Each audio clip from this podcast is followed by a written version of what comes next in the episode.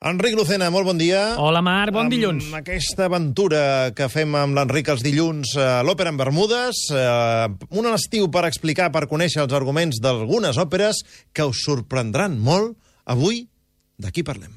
Avui anem a Sevilla a conèixer un famós barber.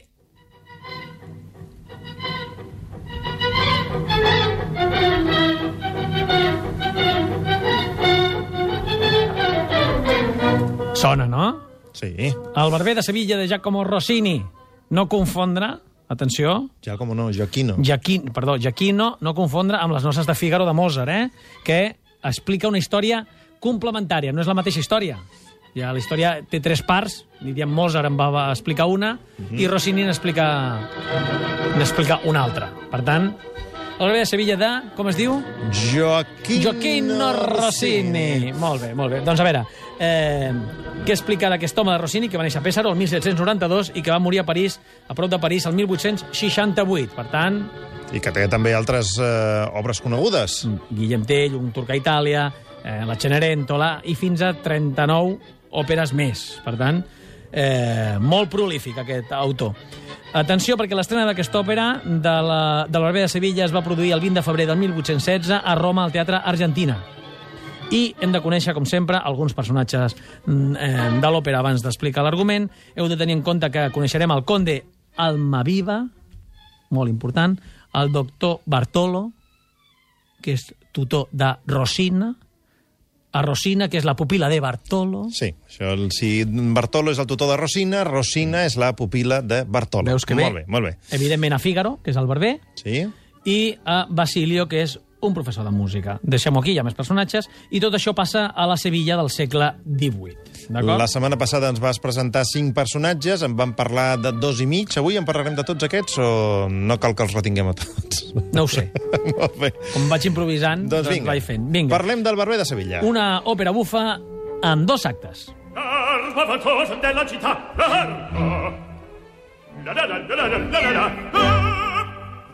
Aquest és, sens dubte, un dels moments més famosos de el Barber de Sevilla. Figaro, Figaro, Figaro. És el... També conegut per un- per un anunci. L'àrea del Barber. O, o més O d'un. més d'un.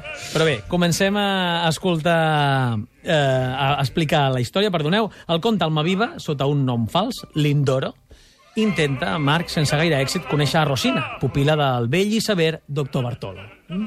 El comte la vol conèixer, vol accedir aquesta, aquesta noia. Li han aconsellat que busqui ajuda en Fígaro, i el comte contracta Fígaro sota els seus serveis. Per tant, molt, molt de barber Fígaro no fa en aquesta òpera. No, només, digues, no només fa de No barber, fa de fa barber. també una mica de... És barber, però... Intermediari, de coneixences Sí, eh, masculino-femenines. Assessor, assessor. Assessor. M més que una altra cosa, és un assessor del comte, eh? Però Bartolo, tutor de Rossini, està molt atent a tot el que passa al seu voltant perquè el professor de música, Basilio, li ha advertit que el comte és a la ciutat i volta per casa, pels, pels, pels carrers al voltant de casa seva. Mm? El comte té un objectiu clar, Rosina, i un assessor, Fígaro. Mm? El seu assessor li aconsella que es disfressi de soldat i intenti introduir-se a la casa de Bartolo amb una ordre d'allotjament per a soldats. Mm? Aquesta, aquest fragment que estem escoltant és el, el moment on coneixem a Fígaro, té un moment final molt més eh, conegut i molt més celebrat, que és aquest. Arrofiro, bra bravissimo, arrofiro, bra bravissimo, a te bottona, a te bottona, a te bottona, non mancherà. Tu sabri- series capaç de fer això? Impossible. Has de ser un baríton, tu, i tu ets periodista. Però bé, Es pot ser periodista i baríton, però no és el meu cas. No és el teu cas, molt bé. Bé, eh, doncs el que deia, el conte fingeix estar borratxo eh, i alerta la guàrdia, però quan la guàrdia arriba, ell confessa a l'oficial que en realitat és el comte i la guàrdia marxa. Eh? És a dir, que ell, ell, ell es, es disfressa de soldat o es vol fer passar per soldat per entrar a la casa de Bartolo, però abans d'arribar, a més a més, es fa eh, el borratxo, Sí. sabem per què? I llavors criden a la guàrdia, perquè, perquè clar, criden a la guàrdia perquè estan buscant on està, on està, on està el comte, perquè l'estan cercant, avisats pel Bartolo, no? I quan, quan el troben, per veure si és ell o no, ell es fa el borratxo, Mm -hmm. però quan, quan li diuen, ell diu, "Xt, que sóc, Que sí, que sí, que eh, jo, eh?" guàrdies, que sóc el comte. I la guàrdia se'n va, Jo no entenc res. clar. Lo normal, tu et vesteixes de policia i et fas el borratxo i quan venen els Mossos a detenir-te dius, eh, xt, sóc el Margarriga, marxeu. I et deixen I tranquil i se'n van. Normal, És una normal. cosa que passa habitualment eh, pels carrers de Barcelona. El Marco fa molt. Eh? Sí. Mm, no passa res. Els Mossos no et detenen. No, no, no passa res, no passa res. Ah, Cap problema. ah, Proveu-ho, ja ah, veureu, no passa res. Ets el Marc Garriga, de Martí de Catalunya Ah, Ràdio. va, Va, va. va, adéu, adéu. Va, va. Eh, marxen tranquil·lament i la cosa, eh, evidentment, avança. Anem a escoltar ara una de les àrees també més famoses de la història de l'òpera, en aquest cas cantada per la, segurament la, la veu més celebrada de l'òpera, que és Maria Callas, una voce poco fa. Una voce poco fa, qui del cor mi. Clar, eh, el primer intent del comte per conèixer Rosina no ha fructificat. Eh? És a dir, que tot el primer acte, eh? Sí. això és l'acte segon, Coneixem a Fígaro, eh, coneixem és- els personatges, Conèixer personatges, intenta apropar-se i no pot. veus que el Bartolo és un pàjaro, el tutor de Rosina, que no deixarà que ningú s'apropi, coneixes els personatges i veus que el primer intent de, del conte, assessorat per Fígaro, no, No s'ha surt bé. Però segon intent. Segon intent, vinga. Torna, Fígaro torna a aconsellar al comte que es disfressi de professor de música i aquest apareix de nou a la casa de, a la casa de Rosina, de Rosina Comtal. És a dir, que la- l'assessor Fígaro, eh, tot el que se li acut és que el comte es disfressi per de coses, poder... sí, eh, sí. De coses vàries. Fígaro, què faig? Disfressa't. Disfressa't. Molt bé. Molt bé, és un assessor com un altre. Escolta, Podies haver triat un altre tipus d'assessor, però aquest et va buscant robes de... Pots anar allà a Menques i agafar una disfressa. Bé, arriba a casa de Bartolo i li explica que l'altre professor de música, Basilio, està malalt i que ell és el seu substitut. Hola, sóc el nou. Sóc el nou, l'altre està malalt. Molt bé. Comença la lliçó i Bartolo, que és un desconfiat, vigila molt de prop la lliçó de música i el nou professor, perquè no se'n refia. Aquest no se'n refia ni d'ell mateix, el Bartolo, eh? Però com que l'home té una edat i la música fa dormir, va i a mitja classe s'adorm. L'home s'adorm i en aquest moment de la lliçó és quan eh, passa de ser una lliçó de música a una lliçó d'amor. Eh? I, per tant, en aquest moment, el comte enamora Rosina. I Rosina, evidentment, s'enamora al minut 1, eh? perquè això a l'òpera passa molt. Eh? Elles s'enamoren instantàniament. Ells ho intenten i elles diuen que sí.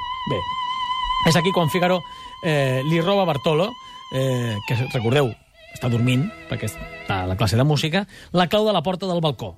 Una dada que hem de tenir en compte per més endavant. Un Eh? detall, un detall important per, eh, per més endavant. Clar, però què passa? Que arriba Basilio, l'autèntic professor de música. Mm, però, amics, Que, que feia tard. tothom no? té un preu a la vida. O gairebé tothom. I una bossa d'or convenç a Basilio de que està realment malalt. Tu estàs no malalt. Cal, no cal que vingui, Tu eh? estàs malalt, aquí tens una bossa per anar a la farmàcia a comprar-te el que vulguis. Bé, al mateix temps, Fígaro intenta distreure Bartolo, que clar, s'acaba despertant perquè el comte i Rosina estan planejant la seva fuga. Això encara a la primera lliçó de música, Sí, diguéssim. sí, sí. A la no? primera ja tot... Sí, ja passa tot, passa tot fuga. aquí. Molt bé. Clar. I llavors, quan, se, quan es desperta el Bartolo, el Figaro intenta que miri cap a una altra banda, no? Però el tutor, que és tutor per alguna cosa, com que és un desconfiat, i per si de cas, veient que el nou professor de música està enamorant-se de la nena, l'acaba fotent fora de casa, i en un gir dels aconteixements que ningú s'espera, fa cridar el notari, Notari. el, Bato, el Bartolo crida el notari després de fer fora el fals professor de música I això? i us preguntareu per què? Perquè ha decidit que serà ell el que es casarà amb Rosina el més aviat possible abans que algú altre se l'endugui. Mira el tutor, eh? El, el pàjaro, espavilat. aquí hi havia el tema, que et vols casar amb la nena. Per això vigilava tant. Ah, però això quina mena de tutor és? Marc, això ja, avui en dia ja... Lleig, queda lleig, Queda eh? lleig, queda lleig. Bartolo intenta convèncer la seva pupila dient-li que Lindoro, recordeu que Lindoro és el, el fals no professor de fals, música, sí. mm? li és infidel. Una dada que, clar, no sabem d'on treu Bartolo. És que ell veure. t'és infidel. Infidel de què? De- D'una primera Si- lliçó de música. si t'a- si t'acabes d'enamorar, no ha tingut temps de ser-te infidel. amb qui? I en quin I moment? quan? Clar, és que... Però, eh, clar, i ella, plena de dubtes, pobreta, perquè és, és, un, és una flor humil i, i que no sap per on van els amb trets. poques llums, diguéssim. Eh? Acaba confessant que s'estava a punt de fugar amb ell i Bartolo crida la guàrdia. Atenció, el comte, eh, alias Lindoro, professor de música, i el seu assessor, Fígaro, trepen fins a la casa de Bartolo. Per on? Pel balcó, Pel que té balcó, la que té la clau. clau, clar, clar. El comte revela la seva autèntica identitat i desmenteix les calúmnies del seu tutor. Potser una mica dient... Infidel quan? Si fa un minut que ens hem enamorat. Si fa un minut que he sortit de casa teva i ja torno a ser aquí, pel balcó. Eh, I a més a més, també li pot dir Lindoro no li pot ser infidel perquè Lindoro no existeix. Sóc el comte. Però bé, els amants volen fugir i Figaro els hi fot una miqueta de pressa, però ja és massa tard. Eh, han tret l'escala de la finestra i no poden baixar pel mateix balcó que havien pujat. però apareix el notari, moment on el comte i Rosina va i es casen. Però no està el, el comte ficat al balcó... He, he oblidat una dada. Bartolo, quan veu que arriben, se'n va a buscar la guàrdia. Llavors, arriba el notari que havien cridat abans... I no hi ha Bartolo no hi ha Bartolo anat a- i es casen. I quan arriba Bartolo amb la guàrdia, Ja estan s'han casats. casat. Molt bé. Eh, què? Espavilat, ràpid, això, eh? Una co un, Pim-pam. un, un argument senzillet, una cosa d'estar per casa, com les nostres vides del dia a dia. Eh? Doncs ja hem explicat l'argument del barber de Sevilla. Jo ara necessito el cronòmetre del telèfon Ah, d'Enric sí, Lucena, perquè al final sempre el posem a prova aquí ara- perquè ens eh, expliqui els arguments d'aquestes òperes sí. de les quals hem estat parlant aquests minuts, però que ens l'expliqui en una versió reduïda de només 15 segons. Sempre, això ho podríem tenir preparat. Cada... Sí, és que tenia, ara tenia el Facebook del Matí de Catalunya Ràdio posat, ara restablir, restablir. Ala, cronòmetre en mà. Molt bé. Eh, el barber de Sevilla en 15 segons. Un vell tutor que es vol casar amb la seva pupila, però que malgrat tot no ho aconsegueix i ella es casa per amor.